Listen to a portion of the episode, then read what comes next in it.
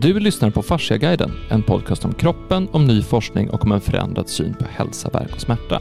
Jag heter Axel Bolin och sitter här tillsammans med Hans Bolin och med Per Johansson på länk. Hej!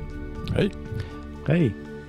Vi började med ett ganska ambitiöst projekt inser jag så här i efterhand, för jag har just lyssnat igenom avsnitt 118, 119 och 120 som handlar om varför vi inte förstår livet, eh, idéerna som formar vårt tänkande och vad det forskas på och varför. Och någonstans är ju att varför förstår vi inte livet eller hur förstår vi livet eller hur förstår vi den levande varelsen är ganska det är en ganska stor fråga, så vi har tagit ut oss på ganska många spännande eh, tankeresor kan man säga. Så jag tänkte jag skulle berätta lite grann om vad vi har pratat om och sen någonstans ge ett uppslag på hur vi kan ta det här vidare. Så varför vi började med den här serien någonstans var att vi pratade om att ny forskning om vatten, ny forskning om fascia, ny forskning om tarmflora, ett nytt sätt att förstå kvinnokroppen på fundamentalt förändrar hur vi ser på och förstår kroppen, oss själva och hälsa. Men det här är svårt att komma fram. Det är någonting med vår kultur som, som gör att vi har svårt att förstå det levande. Och I det första avsnittet av den här serien så pratar vi om, om det här med begrepp och kategoriseringar. Vi pratar om Aristoteles och inre och yttre, om att vi är bortkopplade från, eh, från naturen och om att vi har svårt att följa den här, den levande, de levande principerna, alltså det som bygger upp. Vi följer gärna det som bryter ner, nästan i vår kultur. Och hela vårt system är ganska trögrörigt. Alltså det är svårt för nya idéer att komma fram och förändra saker. Vi har lite av en, en monokultur när det kommer till idéer, eller monokultur när det kommer till allt, vilket gör att vi, vi har svårt att byta perspektiv, alltså rent, rent kulturellt. Och sen pratade vi vidare om i avsnittet Det är inte fel på dig, du har bara lärt dig det, om att vi vi har ju upptäckt hur stor kroppen är, hur stora människor kan vara, men att vi har svårt eller inse det för att vi vi ser kroppen som ett objekt och det var du Hans som sa att kan vi sluta säga den levande kroppen, kan vi prata om den levande varelsen istället? Och så Per, man spann vidare på idén om att ja, men just det, kroppen är ju ett objekt. Det blir en, en kropp bland andra kroppar. Det blir ett annat sätt att se på kroppen, inte som någonting levande utan som en sak. Och så pratar vi om idén om att det är någonting som är det är någonting fel på oss och hur den här kommer hela vägen från, från eh, tidig alltså kristendom eller tidig missriktad kristendom. Den här idén om arvsynd, om att när vi föds är det någonting fel på oss. Och den, har, den idén ligger kvar i vårt samhälle. Och vi har lätt att tänka på död istället för liv, att vi är stilla istället för rörliga, att saker är bestämda och fasta istället för flexibla och att det är någonting som är fel. Men när vi pratar om den levande varelsen så pratar vi även om det här med hur det faktiskt bor levande varelser i oss, som till exempel med tarmfloran. Det finns andra det finns andra varelser, andra intressen som sitter i vår kropp som egentligen kan säga åt oss vad vi vill om olika saker. Och i avsnitt 120 så pratar vi om vad det forskas på och varför. Så vi pratar lite grann om hur forskning går till. Vi pratar om, om idéer och dogman som ligger bakom modern vetenskap och hur vissa saker som inte stämmer överens med den allmänna tron har svårare att komma fram, även om det är riktig forskning bedriven på samma premisser som annan forskning. Och landar någonstans i att det finns många politiska ekonomiska intressen som ligger bakom vad som faktiskt kommer fram, men inte som en ond konspiration utan som en, en självuppfyllande profetia eller en, en, en stark mekanism i hur saker görs. För det forskas på en sak därför att det är det som som gynnas egentligen av den, det sättet att se på det. Sen hade vi en kurs som vi höll, eller som jag höll, där vi pratade om hur man når människor, hur man får folk att känna förundran och väcka nyfikenhet kring hur kroppen fungerar. Och då kom det upp en, en svår fråga. Hur hanterar man folk som är överviktiga? Alltså hur når man folk som är överviktiga? För säger man åt dem att sluta äta mat, ja då blir det ju inget bra. Säger man åt dem att börja räkna kalorier så blir det frustration för de har väldigt bra koll på hur mycket kalorier de får i sig. De flesta som i alla fall vill gå ner i vikt. Men hur når man folk som, för det finns ju en, det kan ju finnas en skam kring övervikt, en, en frustration eller att man försöker men det funkar inte. Och då tipsade vi om att man ska lyssna på avsnitt 97 om tarmfloran. För då pratar vi om att det finns en det finns en annan vilja i kroppen. Så det finns något som bor i kroppen som vill någonting annat. Som säger åt dig att äta saker som inte är bra för dig. Så att äter du mer till exempel socker så kommer kroppen, eh, så kommer bakterierna i magen säga vi vill ha mer socker och den viljan kan vara så stark att den förändrar ens beteende. Så det finns ett starkt beroende eller begär förknippat med att äta vissa saker, förknippat med de här levande varelserna i tarmfloran. Det som vi landade i i alla fall när vi pratade sist, det var att tänk om man ser saker som levande istället. Att floden är levande, att berget är levande, att saker är levande. Och den, det temat tänkte jag vi skulle utforska mer idag. Och då har jag två stycken exempel. Det ena är en film som heter Whiplash, som är en fantastiskt bra film som kom 2014 som handlar om en extremt ambitiös jazztrummis.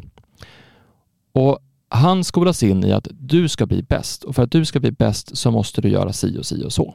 Och hans ambition att bli bäst gör att den, det börjar med att han verkligen vill bli riktigt bra. Men sen så börjar den här ambitionen att successivt förändra honom. Han får en annan attityd runt sina medmänniskor. Han säger till sin partner att vet du vad, vi kan inte vara tillsammans längre för du står i vägen för min ambition. Och eftersom du står i vägen för min ambition så kommer jag successivt att börja tycka illa om dig för du förstår inte mig och du förstår inte det jag gör. Och jag tittar även på, eh, samma tema finns i den här nya Beckham-dokumentären som finns. Alltså vad en, vad en person som vill väldigt mycket egentligen offrar i termer av familj, i termer av liv, i termer av andra saker som är viktiga när en sån ambition är så pass stark. Och det som han kommer fram till i filmen någonstans är att vänta, vad håller jag på med? Alltså jag håller på att offra allting för den här ambitionen, men ambitionen är så stark att den verkligen driver honom. Och det, det som fascinerar här är vad, vad gör människor för en viss typ av idé? Och Det andra exemplet på det här är från filmen The Departed som kom 2006 av Martin Scorsese. Och då Jack Nicholson spelar här en, en, en maffiaboss som är en en riktig jävel alltså. Det är en riktig ond person. Och då Jack Nicholson lever sig in i det här så att han har verkligen tänkt så här, hur gör vi den här personen så ond som möjligt? Och jag tänkte spela upp ett klipp från, eh, från Matt Damon. Han pratar om hur, hur imponerad han var över Jack Nicholsons kreativitet över att visa den här personen som så ond som möjligt. Så jag spelar upp den nu och så sen så får det bli utgångspunkten kring vad, vad vissa idéer, tankar, känslor, principer gör med människor, människors kroppar och människors beteende. Så här kommer klippet. give you one story. I, I, mean, I've probably told you this because it's one of my favorite. It was my favorite thing that happened on The Departed about a scene that I was not in, but but he was, and the scene said it was one eighth of a page, and it said Costello, which is the name of his character. Costello executes man kneeling in the marshes. Mm-hmm. Right. So you go, okay. Now, if you uh, most people look at that and they'll go, "All right, uh, it's uh, it's going to be one shot. You know, that's going to be, be uh, an hour of work, and mm-hmm. and that's all I'm doing that day or whatever." He he looked at that and he goes, "Okay, I can do that, but I think I can make it better." And so he's telling me this story. He goes, "So what I do is." He goes, he goes, I come from the Roger Corman school, so I'm not going to add any time and I'm not going to add to your budget. But instead of a man kneeling in the marshes, I make it a woman. And I go, oh, okay. and he goes, so I'm going to execute a woman, but I'm not going to be alone. I put Ray in the scene with me, and that's Ray Winston, who plays kind of his right hand mm-hmm. man, this brilliant, brilliant English actor. And he goes, so I put Ray in the scene with me. And I do the thing, and I shoot her in the back of the head, like it says in the script. But if you leave the camera rolling, after she falls, I turn to Ray and I say, geez, she felt funny. now that's a really sinister thing to say. because it means I do this a lot and there's a way people fall. Right. she didn't fall that way. And I go, oh, that, yeah, I get it, man. I get it. Goes, now you could end the scene there. But if you leave the camera rolling, Ray steps forward and he reveals that he's holding an axe. he's gonna chop her up. Oh man. Now you could end the scene there. he goes, but if you leave the camera rolling.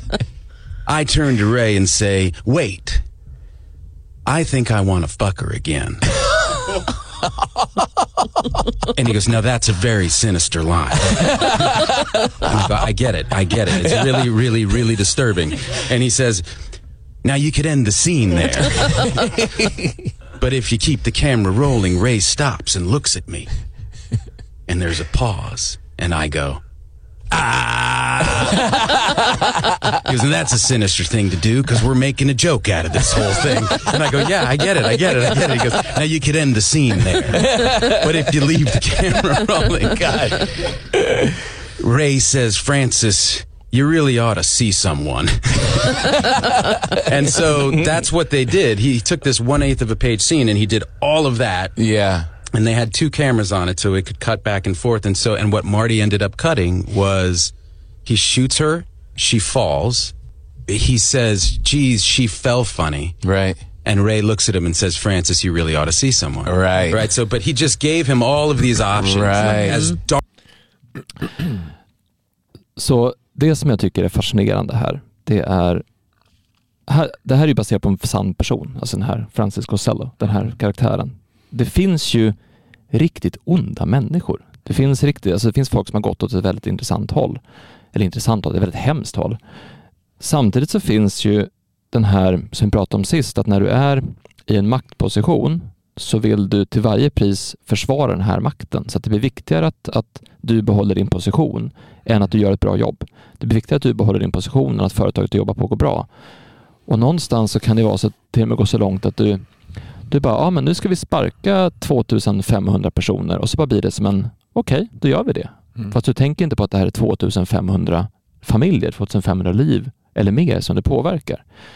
Så jag skulle vilja prata lite grann om det. Om, om man ser allting som levande men även ser sådana saker som, som ambition eller som kontroll eller som maktbegär eller som hybris. Om man ser det här som levande faktiska principer som kan bo i en kropp, precis som tarmfloran kan styra oss. Vad händer då med förståelsen av människan och den levande varelsen?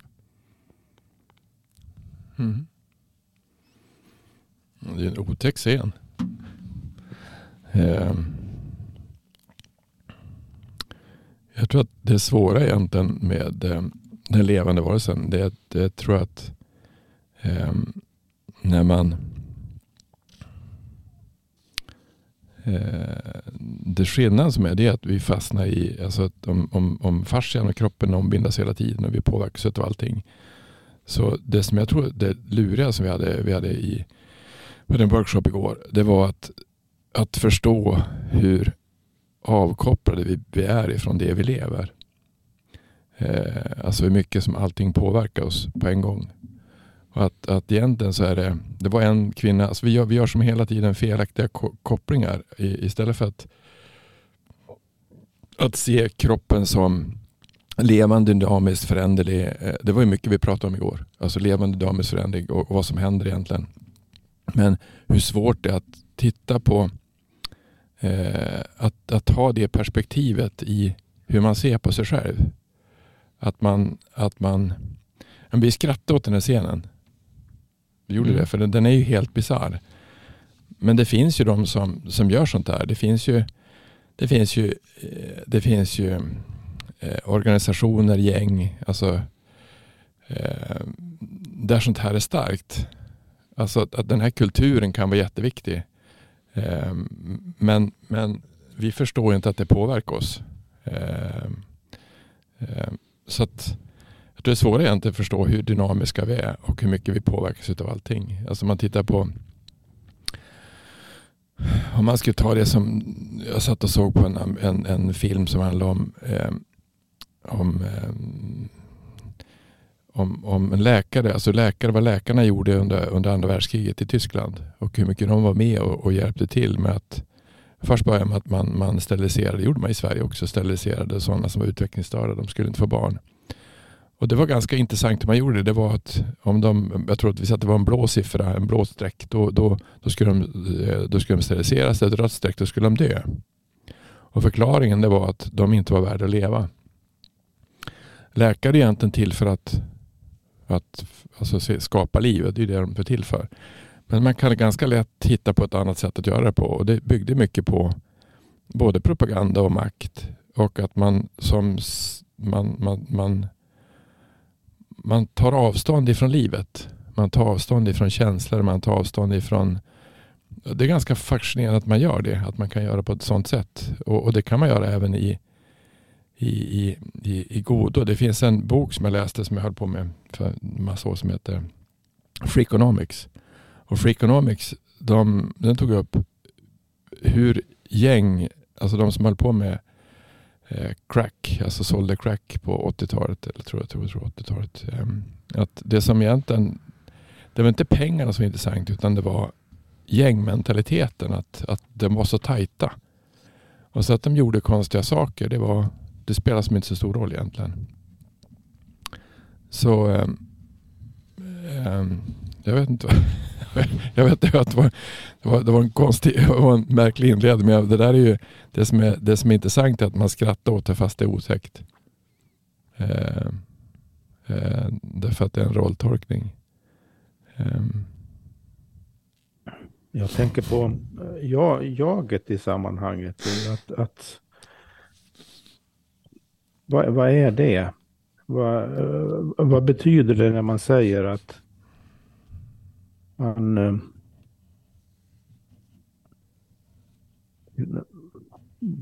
bara för att växla spår till något lite mindre eh, liksom otäcka associationer, men egentligen på sätt och vis närliggande, som jag förstår att du associerar, Axel.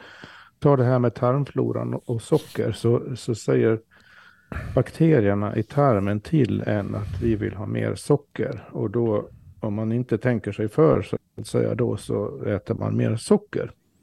Och så kommer man på att ja, men jag ska nog inte äta så mycket socker för jag blir tjock eller jag mår inte bra mm. eller jag har för högt blodtryck. Eller man, har någon, man får veta eller kommer på eller inser någon anledning att man ska äta mindre socker.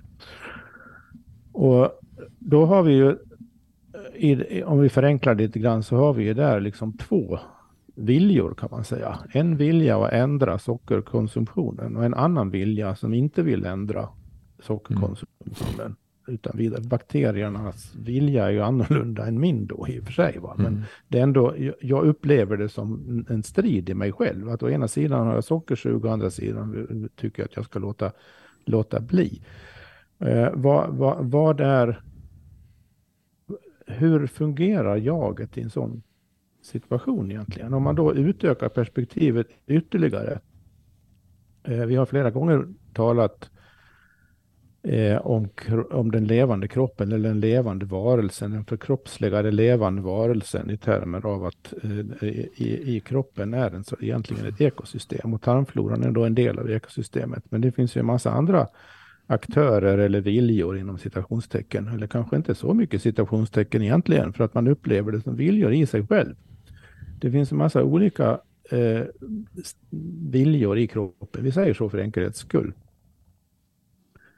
Eh, I en själv då, med andra ord, som man märker av på, på, olika sätt. Och de, de, är inte nödvändigtvis eh, varken kompatibla med, med varandra eller förenliga eller eh, går i samma riktning. Och det är det som ställer till det för jaget då. För jaget kanske har en viss uppfattning om att man vill vara på ett visst vis.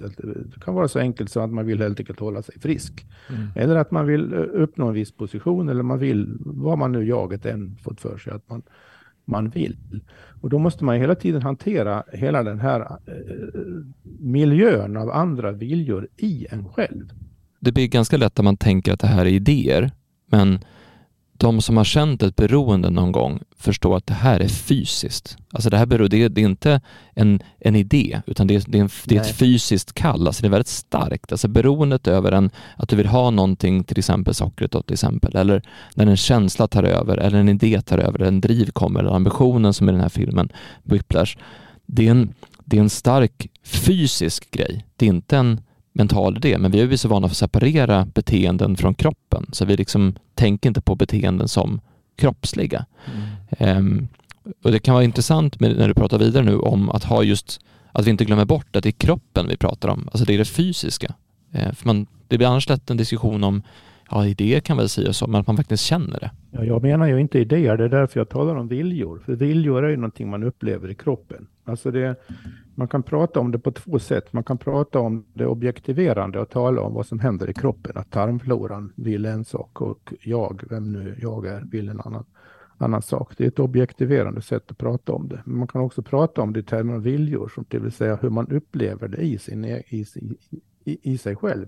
Man upplever två viljor i det fallet då. Man upplever en vilja att äta socker för man är sugen.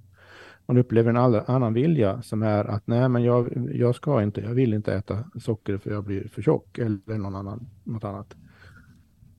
Så det, det är ju det, det upplevelsemässiga perspektivet. Och, och jag tror att om, om man håller sig kvar ett tag i det här upp, hur saker och ting faktiskt känns i en, i en själv, så blir det tydligare. För det man, och på ett sätt lättare att tänka på också, för att det blir inte abstrakt, utan det blir en realitet. Det blir två reella stridande viljor i en.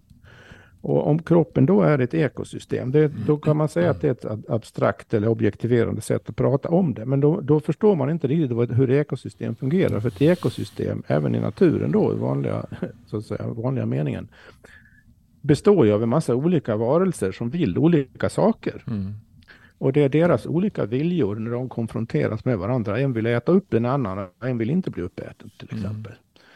När det, det, är det som ger upphov till ekosystemet. Så ett ekosystem består liksom upplevelsemässigt skulle man kunna säga av en massa olika viljor som vill olika saker. Och det är det mm. som gör att det blir ett ekosystem med alla olika eh, ekologiska nischer, allt vad det heter. Det vill säga eh, hur det funkar. Och likadant är det i kroppen. Tarmfloran lever ju inte sitt eget liv i kroppen oberoende av alla andra viljor i kroppen, utan den, mm. den eh, i, i, anpassar sig ju till att integrera, interagera med till exempel vad jag vill, vem nu jag är. Mm. Det, det där sättet att tänka är för mig, ju mer jag har liksom kommit in i att tänka i, på det sättet, och både förnimma och tänka och uppleva hur känns det egentligen, de här olika sakerna som händer i mig, olika viljorna. Desto mer oroad blir jag. För att det är därför jag har nämnt jaget här nu. Vad är det? Vad, vad är det som händer när man bestämmer sig för att göra någonting enligt en viss linje? Nu, nu ska jag minsann hålla mig frisk, kosta vad det vill ungefär. Eller nu, du var inne på projekt innan. Nu ska jag realisera det här projektet. Nu ska jag realisera min vilja att göra detta, skapa detta, vad det nu är för någonting. Då betyder det att man så att säga bestämmer sig för att ta kommandot över det ekosystemet i sig själv. De mm. olika viljorna i sig själv och helt enkelt inte erkänna vissa viljor som någonting man ska bry sig om. Och jag, jag tror det, det, det, är någonting i den. Så fort man pratar om det så här och lite ovana termer så kan man få för sig att det låter abstrakt. Men vi måste hålla oss kvar i själva upplevelsen. För att om jag verkligen bestämmer mig för att mitt projekt är viktigare än i princip allt annat, inklusive relationer och jobb och, och karriär och rubbet. Då kommer jag bli en väldigt speciell person som andra har svårt att förstå och svårt att acceptera eh, många gånger att, att det här är en person som följer sin vilja. Eh, och, och, så blir det, det är en extremt exempel då, men så blir det ju även i, i vad, ska, vad, ska, vi kalla det, lindriga fall. När man, när man bestämmer sig för någon mer begränsad grej, till exempel att man ska träna för att bli en väldigt bra tennisspelare eller någonting. Mm. Och det behöver inte som ett projekt då, utan bara som en hobby. Mm.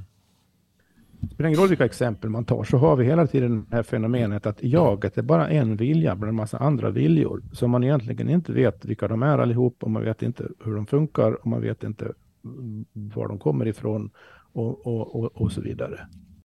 Jag tror att jaget är intressant också. Det som är intressant är som du sa, vad, vad förknippar vi med jaget? Vilka idéer förknippar vi med jaget? Vi hade en, en övning för två, 14 dagar sedan. När vi hade, jag trodde inte det skulle ta så lång tid, men det var jätteintressant. Vi sa att vi gjorde den där tryckavlastning som du var med och gjorde en gång Per. Att man släpper trycket i benet.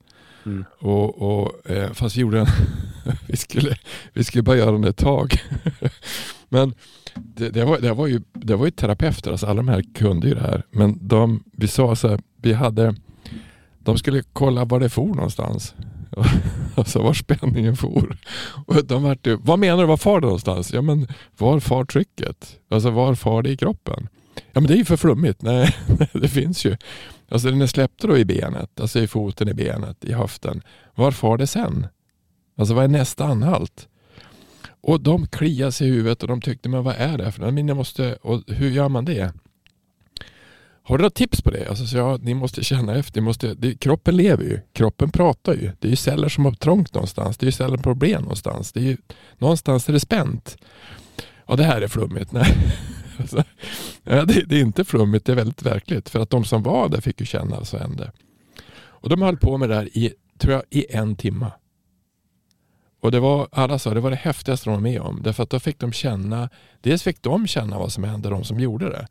Men de som var där fick ju av med en, vart ju av med en massa konstiga tryck de hade. Alltså det kom ju upp en kvinna hon sa hur släpper man trycket? Hur ändrar man, eh, hur ändrar man eh, någonting som varit länge då? Alltså då ska vi visa hur man kan släppa någonting bara genom att släppa energin i kroppen. Och det var ännu flummigare tyckte de, fast det är inte det. Alltså om du har gått och burit på en sorg i, i 30 år. Den är ju rejäl. Alltså varenda dag så tänker du sorgliga saker om dina närstående. Det är ju, det är ju extremt verkligt. Alltså det är ju det är ingenting som är overkligt. Och så visa hur man kunde göra det, hur man kunde ändra energin, alltså släppa sorgen och, och, och skicka dit alltså skicka dit glädje istället. För det finns ju lika mycket som var tacksam för som att vara orolig för. Eller precis som du sa, att det farligaste som finns det är var det oron. När du trodde att alltså när man oroar sig om saker och ting så är det alltid värre än det som egentligen händer. För det som händer, ja, var, var det bara det? Och så har man, och så har man varit, legat sömnlös i flera nätter och, och gjort så. Och lite grann så är det ju. Så det, det, det märkliga det var att fast det här är professionella terapeuter så hade de ändå svårt att förstå att varelsen levde. Den lever hela tiden. Det finns en massa celler som far runt. Och det som egentligen händer om, vi, om man gör som, som det här filmklippet var. Då har man egentligen, det kan ju vara, då har man ju kopplat bort livet. Mm. Man har ju stängt av det. Jag hade en annan kvinna som jag träffade för ett tag sedan. Hon hade, hon hade varit, hon varit utbränd i fem år och hon har gått till sån här psykolog. Ja, men så det går inte därför att du har pratat om samma sak i fem år. Det är inte det som är problem utan du har stängt av i tio år. Och nu håller du på att fortsätta diskutera hur du stängde av istället för att ta bort det som du stängt av. Var sitter någonstans? Var tror du? så här? Ja, vad menar du? Ja, det sitter, var tror du? Var, var finns känslan var finns hjärtat någonstans? Ja, i bröstkorgen. Och där är du låst.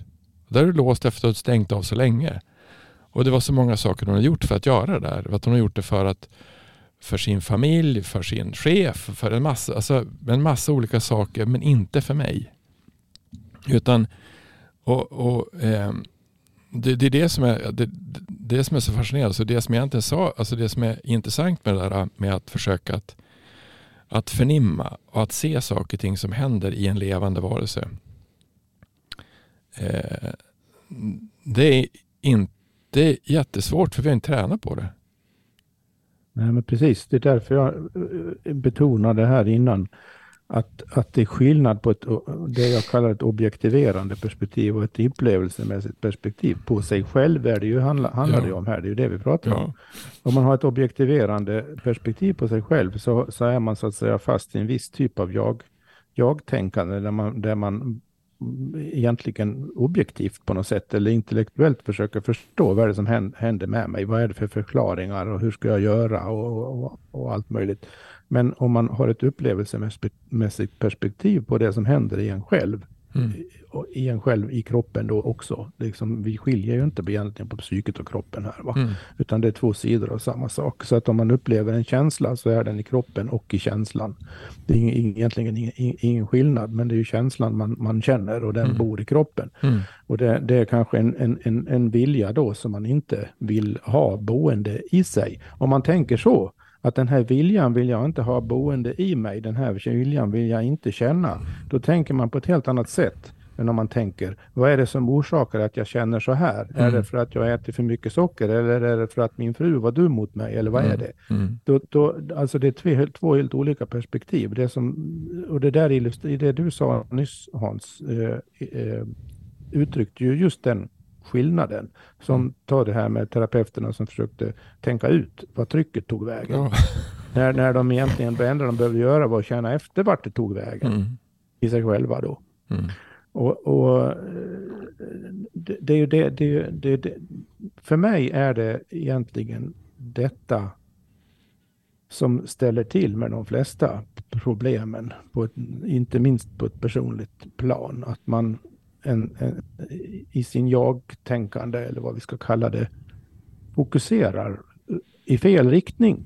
Mm. Men, men jag tror att någonstans det vi har gjort här, som vi har varit inne på i de andra avsnitten också, är att jag skulle säga att vi har flyttat ut oss själva ur kroppen eller varelsen. Alltså vi har liksom satt vårt medvetande utanför, vilket gör att vi aldrig är i kroppen. För att om man tänker på, på det som vi pratar om, det du pratar om nu om, alltså minnen, tankar och idéer sitter i kroppen. Det finns ingenting jag upplever, tänker på som inte egentligen sitter i min kropp. Det sitter i kroppen. Mm. Var skulle det annars vara någonstans? Och det där blir så intressant för då, och jag tror vi har svårt att tänka, dels det, att det sitter ihop, att det är samma sak, att mina tankar, känslor, minnen, alltihopa är i kroppen, att, ett, att en drivkraft också är fysisk, att ett beroende är fysiskt, att känslorna också är fysiska, att allting är fysiskt, allting finns i den fysiska kroppen. Men också att allt annat hänger ihop med det. Vi pratade lite grann om det här med eh, sockeravsnittet som vi har. Vi sa att om, du, om det är någon som äter socker, tipsa om avsnitt 101 för det är en ordentlig käftsmäll. Så får man höra hur farligt socker faktiskt är. Och när jag hörde den så var det så här, oj herregud. Men där kommer man till nästa problematik och det är att ta socker till exempel. Vi har ju en, en tvååring hemma nu. Det som kommer vara svårt kommer vara att, att få henne att inte äta socker när hennes kompisar gör det. Därför att alla ger ju socker som belöning till sina barn och det är någonstans normen. Och där finns nästa aspekt av det här, det är att man gärna, man gärna vill ha medberoende.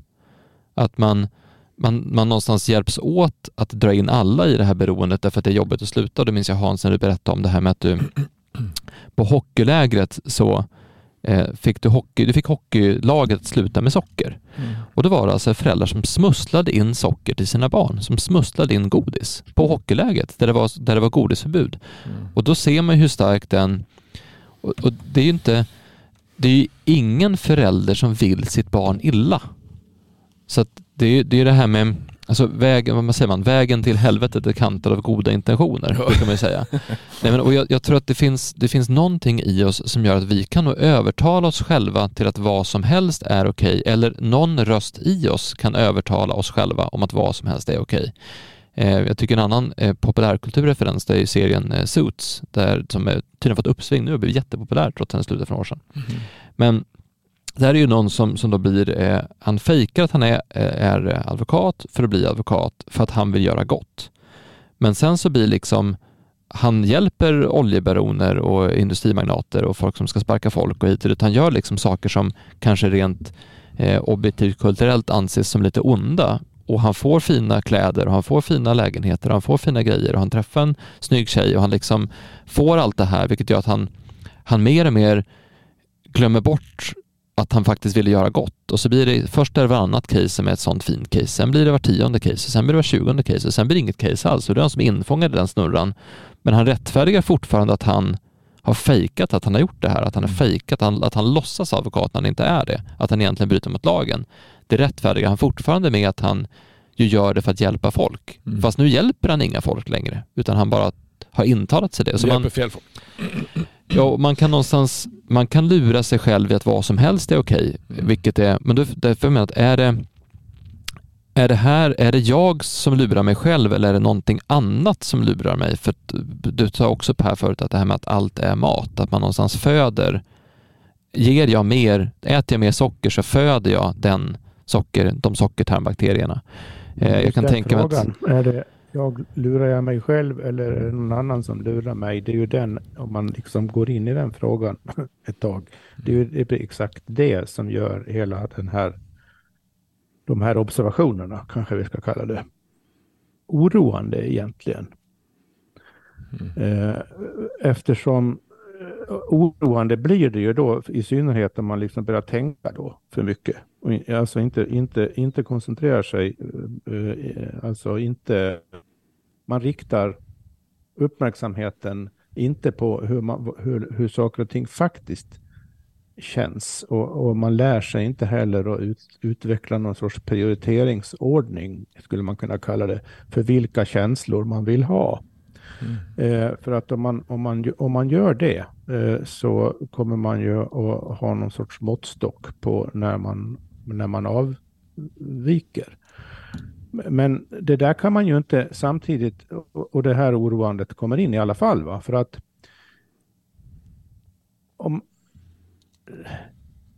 det finns ju ingen yttre måttstock. Det finns ju inget objektivt kriterium egentligen som man kan vara överens med någon annan om för vilka, prioriter, vilka känslor man ska, själv ska prioritera. Alltså, för, förstår ni hur jag menar här? Mm. Mm. Är ni med på vad, vad det är som är oroande? Ja, men, men, vi, men, vi vill gärna var och en ha någon sorts kriterium som vi kan förstå och gärna dela med minst en annan person i alla fall. Mm. För vad som är så att säga eftersträvansvärt. men ett exempel på det är ju då... Inget objektivt yttre eller gemensamt kriterium för detta. Så Mm. detta måste man alltså etablera i sig själv. Och det i sig är väldigt svårt.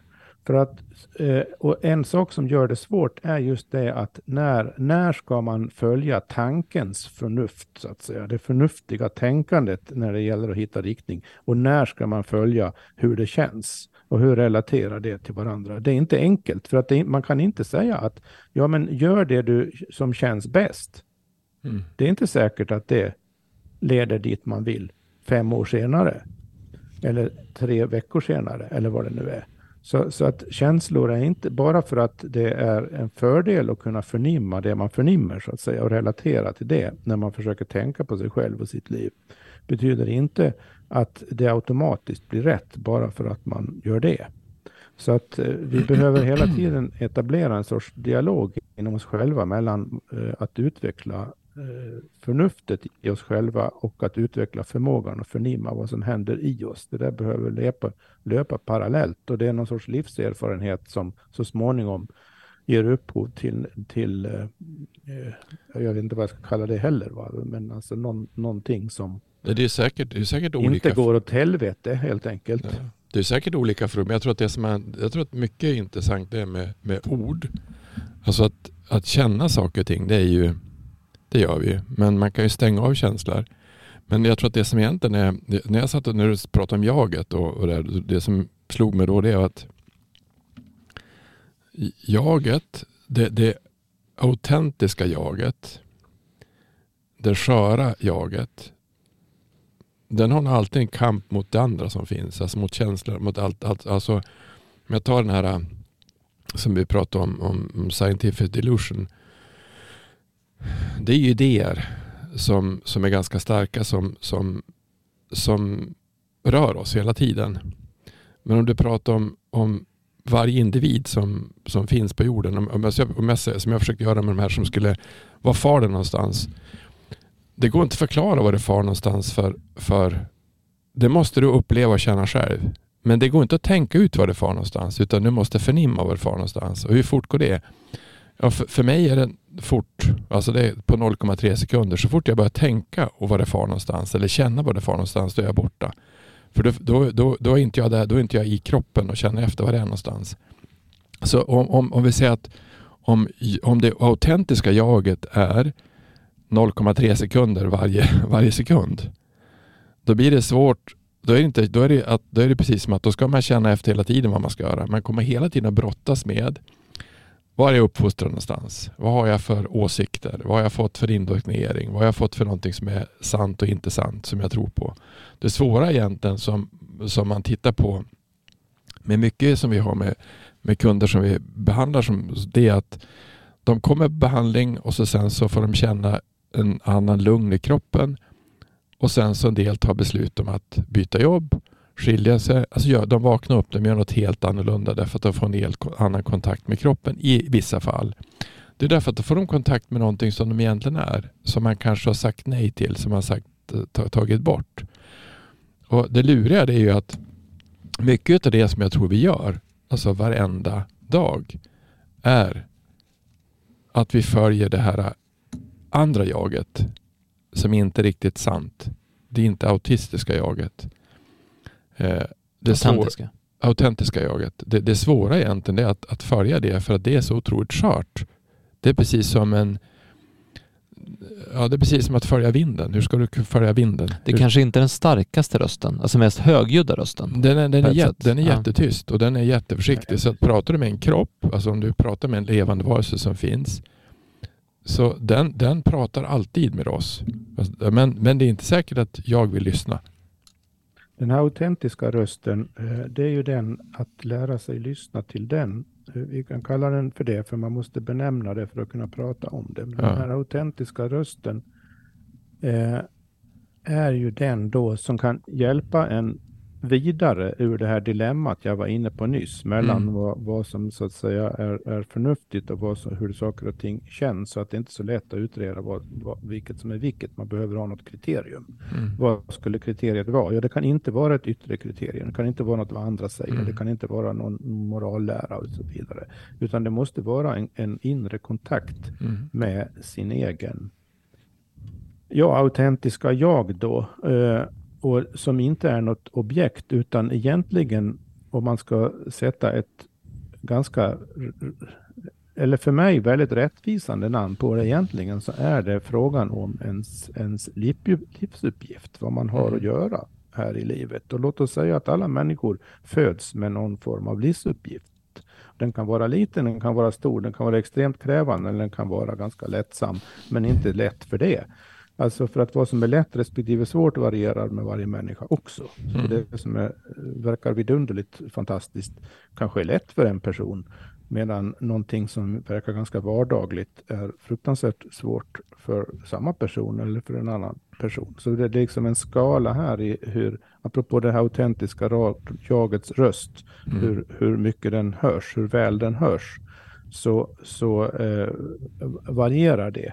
Och, och apropå kroppsliga förnimmelser i sammanhanget så tror jag att man kan säga att man hör de tillfällen då man allra tydligast hör det autentiska jaget inom sig själv, som alltså då inte är något objekt eller någon sak eller någon, någon liksom individ i sig, utan en, just en varelse som vill komma till egentligen, en varelse som vill leva i en. Mm.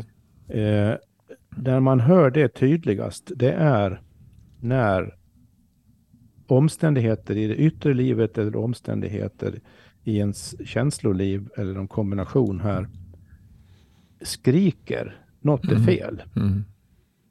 Det gör ont Mm. eller jag mår inte bra. Hur jag än vänder mig så blir det, blir det fel. Och, och liksom, eh, jag, jag, jag, jag måste behöva komma ur den här situationen. Jag, situationen kan vara en viss känslostämning att Mm. man, eh, i en, men det kan ju också vara en objektiv, alltså en yttre situation, relationer till andra. Jobb eller någonting. va. Alltså, men alltså man, om man behöver lära sig att förnimma, lyssna till det här autentiska jaget i sig själv, för det finns där någonstans. Mm. Och kriteriet är, är, är att när, när man har kontakt med det så känns det som om sinnet vidgas, som om världen är fantastisk, som om livet är värt att leva och så Mm. vidare.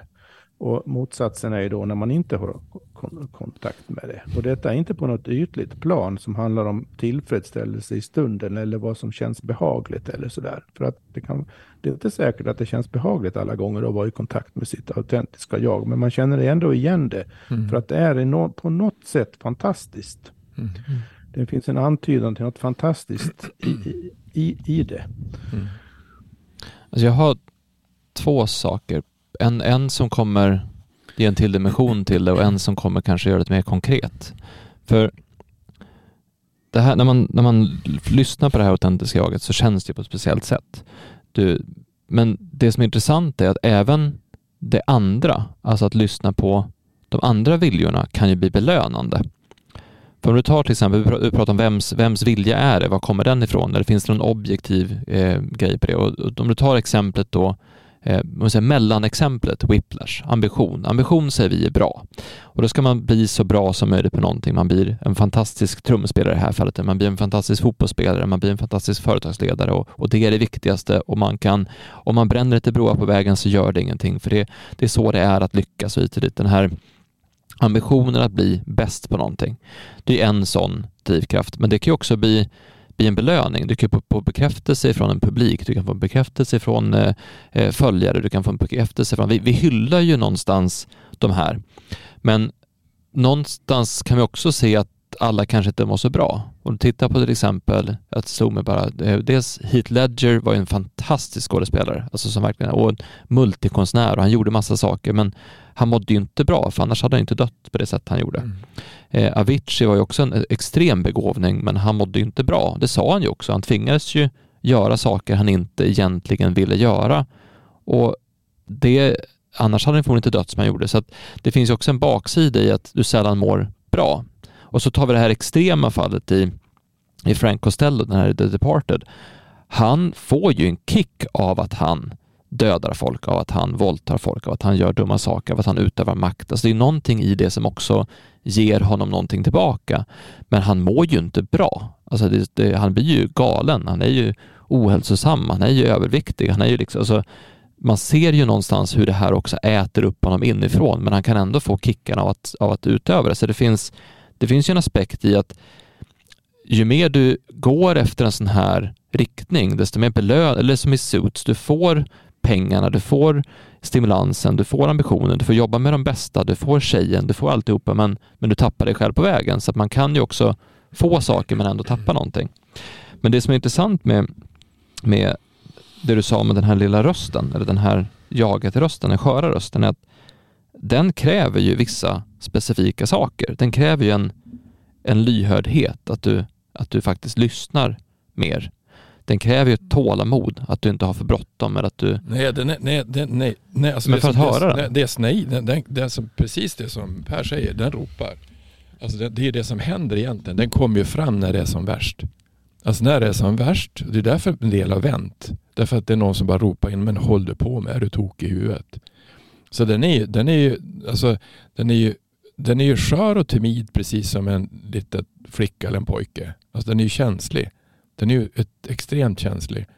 Men den, det, alltså, jag lovar att alla som har varit med om det har säkert varit med om också. När man är som, när krisen är stor, när det är mörkt och när det är svart, då kommer den fram. Den kommer fram när det är jättebra också, när du är precis på toppen. Därför att det är andefattigt. Det är det, är det som är så intressant, att, att den finns där i, den finns i, i ehm, i, i de finaste stunderna man tror när det är helt andefattigt och den finns i de mörkaste stunderna som finns därför det är andefattigt. Därför att det som är lite intressant är att vi, det, det här jaget, den här dynamiska jaget som finns, det har aldrig varit här förut på jorden. Alltså vi, vi, vi är helt unika. Det som, är, det som är lite lurigt är att och det är det här som är så intressant att, att som jag sa att var far det någonstans? Var far trycket? Och de tyckte det var konstigt. Hur kan det vara konstigt? Men känn efter. Alltså var med. Vad, men vad gör du? Ja, men koll, hur, gör, hur ser du? Ja, jag ser. Eller jag känner ju. Och om det är en kropp som man håller i så blir det ju mörkt. Det är ju någonstans det blir mindre energi. Men hur kan man tjäna energi? Men ursäkta, det har ni gjort sedan ni föddes. Alltså, vi har gjort det sedan vi föddes. Vi, vi, vet, vi kan gå in i ett rum och veta att de har bråkat. Vi vet att mamma och pappa har bråkat. Vi vet att grannarna inte har det bra. Alltså, vi, vi har ju känt det sedan vi föddes. Sen har vi lärt oss, sen har vi trubbat av det för vi gått in att jag ska bli socialdemokrat, eller jag ska bli kommunist, eller jag ska bli något annat tokigt, eller jag ska bli fascist. Jag ska bli någonting, eller jag ska bli jag ska bli hockeyspelare. Jag ska, bli, jag ska någonting ha gjort för att, att jag ska bli något annat. Jag ska sluta känna efter. Jag ska gå i någon annans fotspår. Ja, och när vi gör det, då säger kroppen vi har gjort det förut. Vi har varit här förut. Det är inget nytt. Alltså vi, vi, vi, varför ska vi göra det? Därför menar, om jag skulle, det var meningen om, om jag skulle vara min pappa. Han har ju varit här. Eller hur? Vad ska jag gå i hans fotspår? Jag ska ju gå mina, hitta mina egna fotspår. Det är bara att ingen har gått dem innan. Så det lurar egentligen. Och när man då säger det, när man, man tar de här starka sakerna som vi hade om, om, om som du också pratade om Per, de här vetenskapliga paradigmen som finns. Vetenskap som, som inte har någonting att göra med dynamik utan har att göra med statiska saker. Så då ska vi försvara det också. Och så sen när man då tar, som vi hade någon som kom på det här, eh, då, så, då så att det som är intressant med fascia som perspektiv det är att det anatomiskt är eh, vad säger hon, Vibeke? Det är inget hokus pokus, det är, det är anatomi, basic anatomi, allting sitter ihop. Pure anatomy. Va? Pure anatomy, det, det, det är inget flum. Och så kommer en kvinna fram som jag sa, ja men du, eh, när shamanerna, ja, ja, Men alltså då, då, man, då ska man göra det som egentligen är dynamiskt. Då ska man dynamiskt och levande och fascinerande och helt otroligt häftigt. Det ska man göra till övernaturligt. Ja, men har du träffat någon shaman? Nej, ja, alltså, kanske man har gjort, men vad har det med det att göra? Då, då gör man det som egentligen är dynamiskt, levande, häftigt. Det gör vi till övernaturligt. Vi kanske egentligen är övernaturliga. Vi kanske har begåvningar som ingen har förstått att vi har. Därför vi har stängt av dem. Men den här lilla anden som finns där, den här, den här svaga, konstiga saken som finns, det autonoma jaget. Det är, det, är, det är som ett barn. Det bara ropar och vad roligt ja, det är. Jag tror vi har underskattat hur enkelt det ändå är på ett sätt. För det, det sista exemplet tänkte jag, vi har också pratat om det, det är den här den vanliga relationen, alltså relationen varje dag. Eh, när jag berättade om den här, eh, min kompis då som, som bara gick ner på knä och sa förlåt och ja. sa jag gör mitt bästa. Mm. Och hur man kan välja att vara arg på varandra, man kan också välja att säga förlåt. Och du sa ju att det finns fyra ord, de här hej, tack, hjälp, förlåt. förlåt ja. Och kraften i vad det betyder att säga förlåt, att säga hej, att säga tack och att säga hjälp. Det är väldigt enkelt, men det är också det är också den här, det är det som är, det känns annorlunda fysiskt. Det är ett annat flöde, det är en annan ton, det är en annan rysning, det är en annan, det är en annan kraft i det, men den är superenkel och den är jättetydlig. Ja men förlåt blir ju, det, allting är ju inuti. Förlåt är också att förlåta sig själv för det man har gjort. Ja, det, men det blir, det blir jättekonkret. Man förlåter andra fast egentligen så kan man ju förlåta sig själv för att man har gjort så mycket tokiga saker med sig själv. Det är det som är så konstigt. Ja. Men det, därför, därför blir det, därför men, jag, jag tänker att om man, om man vänder på allting, för vi, när du och jag gjorde den här kursen Per så pratade vi om vad får det att känna dig levande? Men vad får, vad, vad får en att känna så? För det är ju det är enkelt enkelt, om vi säger att allting handlar om, om att vara att vara där, alltså säga hej, tack, hjälp och förlåt. Det är ganska enkelt. Men men du kan inte göra det till någon sorts program heller. Nej. Ta förlåt, för att eh, det, för det, det, är det som är problemet. Alltså det, jag tycker att det är bra, den där, de där fyra orden som en påminnelse. Eh, det, det, det, är så man ska se alla sådana eh, koncisa sammanfattningar av någonting vist egentligen eh, som påminnelser. Men om man gör det till någon sorts program man ska följa, om man till exempel får för sig att eh, allting kommer att bra, bli bra bara jag för, säger förlåt jämt, det skär sig. Mm. Det är inte säkert att det blir det alls, för det kanske inte är du som ska säga förlåt. Det kanske är den andra ja, personen precis. som ska säga förlåt för hela det hela. Och om den personen inte gör det, så spelar det ingen roll hur mycket förlåt du mm. säger. Så, så eh, det har nog alla erfarit en annan, en annan gång, eh, att det kan bli på det, på det, på det viset. Så att det finns alltså oförsonligheten i en relation, låt säga att det är mellan två personer, eh, eh, hänger ju på båda. Så, så det går inte, eh, jag ska inte orda mer om det, det är bara men jag tänker på vad vi har att prata om här är egentligen, och det tror jag är en, en ständigt levande realitet för varenda människa, det är att vi har enkelt uttryckt två jag inom oss. Ett, mm. ett, ett jag som vi nu då har kallat det autentiska jaget och ett annat jag som får för sig allt möjligt. Mm. Och anledningen till att det får för sig allt möjligt kan vara påverkan från föräldrar eller kulturen mm. eller jobbet eller ens egna inbildningar eller vad som helst det andra jaget är det att säga, som vill komma fram och växa och utvecklas i en eller genom en. Och det mm. gäller ju då för det här eh, icke-autentiska, eller vad ska man kalla det, konstruerade jaget att lära sig att lyssna till det autentiska jaget. Det nämnde du, mm. Axel, också. Eh, och det, det, det är samma sorts lyssnande som när man behöver lyssna på sin kropp, hur den reagerar på saker och ting, hur den, vad som händer i, händer i den. Det, det är ingen skillnad på de sortens lyssnande egentligen, för att det, det, det är alltså vad, vad, det, vad som krävs är att ens vanliga ego-jag ställer sig åt sidan och just lyssnar och inte lägger sig i. Mm och inte försöker förespegla eller tänka ut eller bestämma någonting utan bara eh, förhåller sig passivt i förhållande till vad som händer i, i en, vad som behöver komma till ut, ut, ut, uttryck. Så att det, det, krävs en sorts kombination av ett, ett sätt att komma åt det är kanske att, för det låter liksom lite, låter nästan som någon sorts krav att man ska lyssna kan man också få för sig då, så blir det gärna, krånglar man till det i alla fall. Men om man tänker att man lyssnandet präglas av nyfikenhet, mm. att, att man upptäcker att genom att lära sig att lyssna på det här sättet inåt till sig, sitt autentiska jag och till vad som händer i ens kropp, vilka förnimmelser man har, så upptäcker man ju saker. Det är där mm. det fantastiska händer. Det händer något oväntat. Det händer någonting man inte skulle kunna tänka sig. Mm. Det händer, det, det, livet överraskar en då, hela tiden på olika sätt egentligen. Mm. Och det för oss tillbaka till det som vi började med. Det här med, det blir någonstans mer konkret när man pratar om hur saker känns i kroppen. Och jag tror att vi har nytta av att se allting som levande.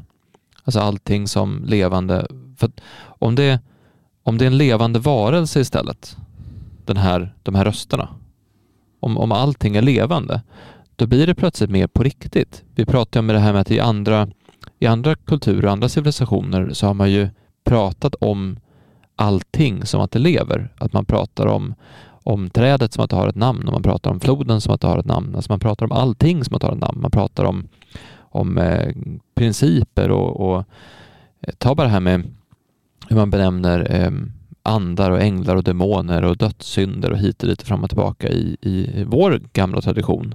Att, att allting är, de här principerna och krafterna är levande. Så att om, vi går, om du tar den här, de här två jagen. Vi pratade lite grann förut om, om den här som de krafter som bygger upp och de krafter som bryter ner i när vi pratar om att vi inte förstår livet. Är, är inte där någonting, är, är inte någonting där att vilka, vilka rörelser, vilka krafter, vilka röster bygger upp och vilka röster bryter ner? Jo, det är ju den centrala ingrediensen i det, i det här lyssnandet jag var inne på nyss, är ju att lära sig och förnimma då, säger vi, eftersom det inte, ja, att lära sig att förnimma vad som bygger upp och vad som bryter ner och det beror på vad man fokuserar på då. Mm. Det är riktningar, energiriktningar. Mm. Det finns ett, ett annat ord som jag kommer att tänka på, som vi nämnde lite grann. Eh, det är, jag tycker inte att det är lika bra på, på svenska, men på engelska är det ordet pure. Alltså rent. Mm. Och jag vet att vi pratade förut om att vi är som ett, för länge sedan, att vi är som en, vi är som ett kärl med vatten och det vattnet ska vara rent. För det finns ju en skillnad mellan känslan när man verkligen gör någonting som, som känns som den här den här, det, det, det autentiska jaget. Alltså när man gör något som känns som det så känns det väldigt rent. Eller när man släpper lös en massa uppdämda tjänster så kan det vara väldigt renande. Eller när man, jag berättade igår om att jag var på, eh, jag var på stand-up och eh, alltså jag skrattade så mycket åt så mycket konstiga saker och så mycket gamla idéer. Och bara så, det var som en utrensning. Så att när jag var klar med den så var det som att man bara, bara alltså det var som att hela kroppen var bara mm. tömd på på skit eller på slagg. Och då kändes det, då kändes det rent. Eller pure. Och är det någonting man kan använda sig av för att försöka förnimma, för, förnimma hur det ska kännas? Jag tänker det, det är kanske inte alla som, som är det, är det, så, är det någonting jag, som alla förstår? Med. Jag tycker definitivt, du är inne på något jätteviktigt där. Att, det, att, att, att, eh, problemet med det svenska ordet rent i, nu, i våra dagar är att det har fått för, för ganska många människor någon sorts moralisk eh, mm. association.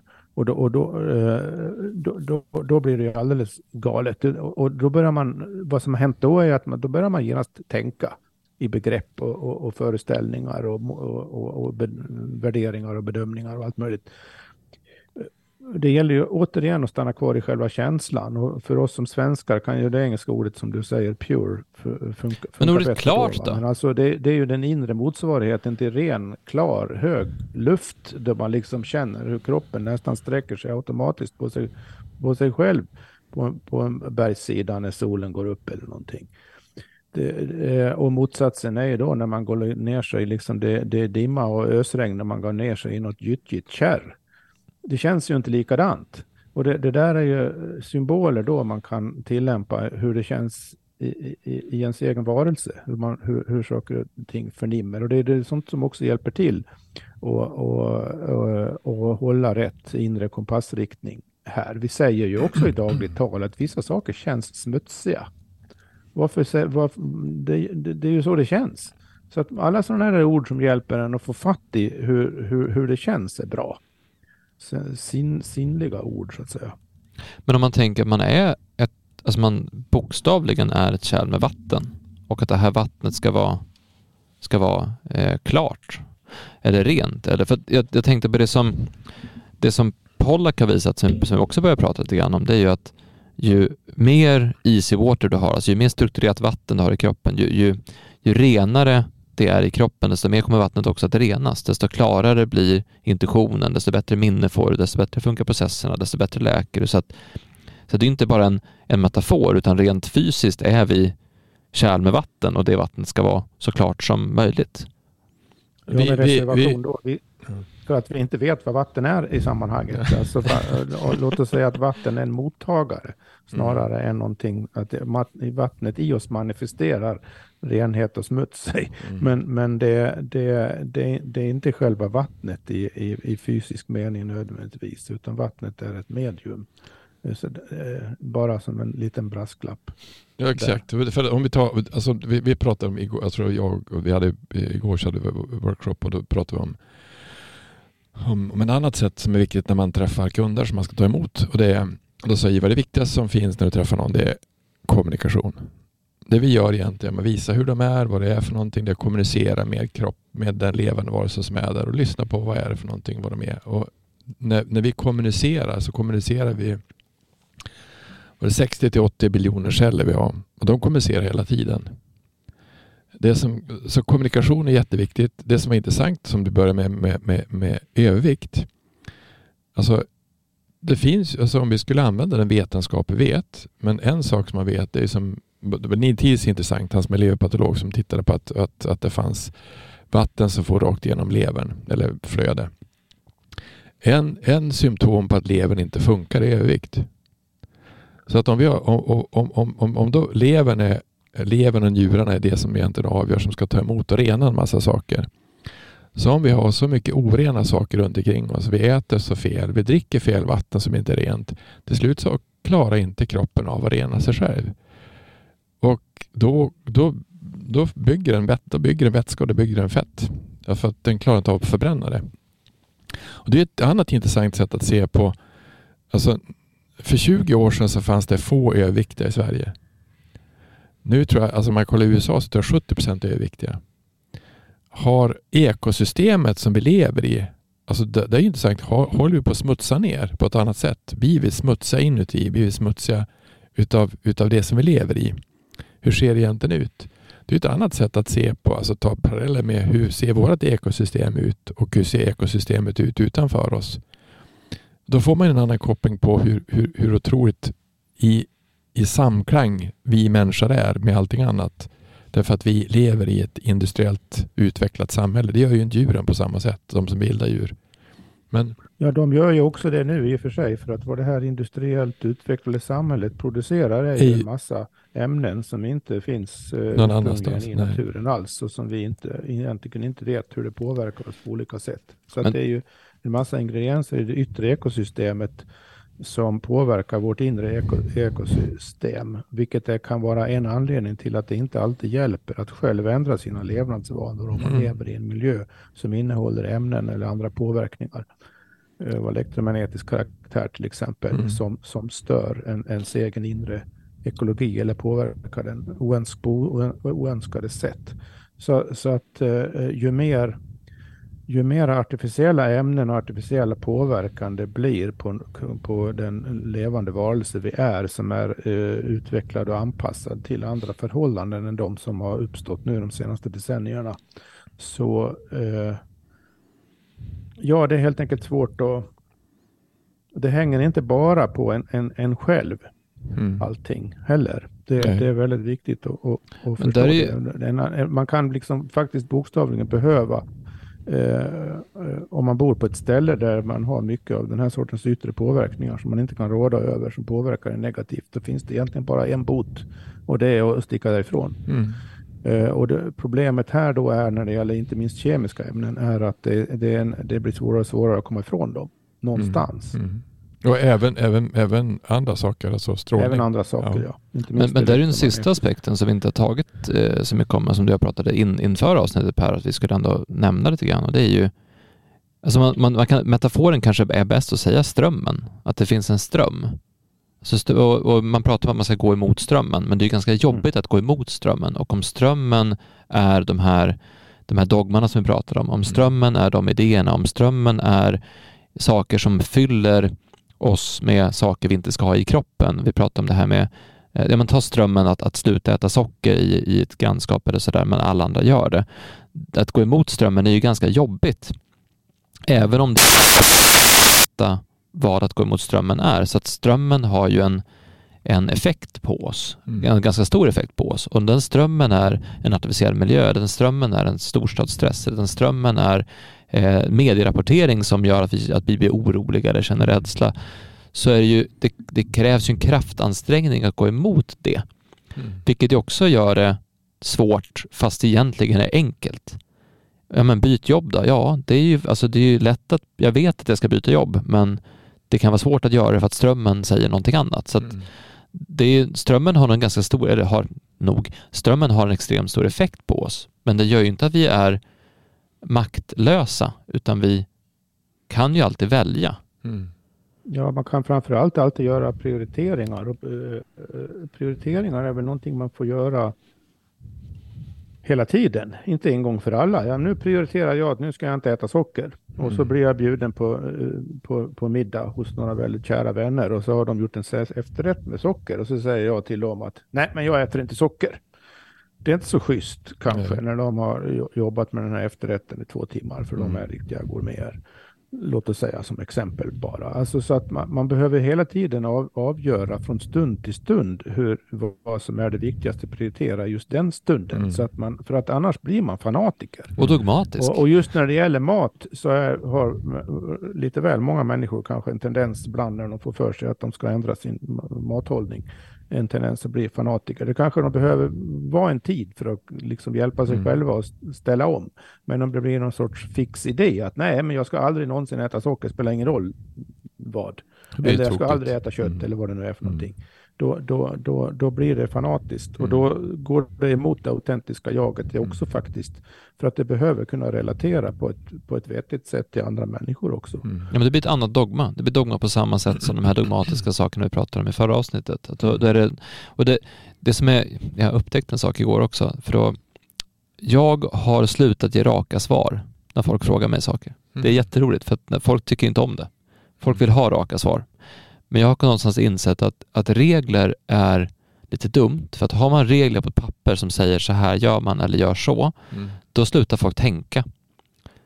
Och jag vill att folk ska tänka själva och känna efter själva. Mm. Så jag brukar också säga att alltså det absolut viktigaste du kan göra är att lära dig att, lära dig att känna efter, känna efter själv och lita mm. på den känsla du har. Alltså hur känns olika saker i kroppen?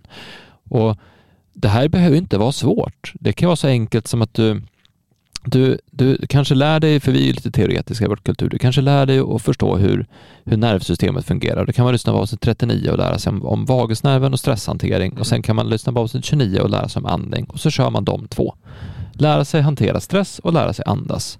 För att lära dig hantera stress och lära dig andas, då har du en väldigt stark grund för att, för att kunna reparera dig själv, men också för att få den här reflektionen, stillheten, känslan, att, att lära dig känna efter i kroppen hur saker känns och, och, känna vad som händer i kroppen när man gör saker.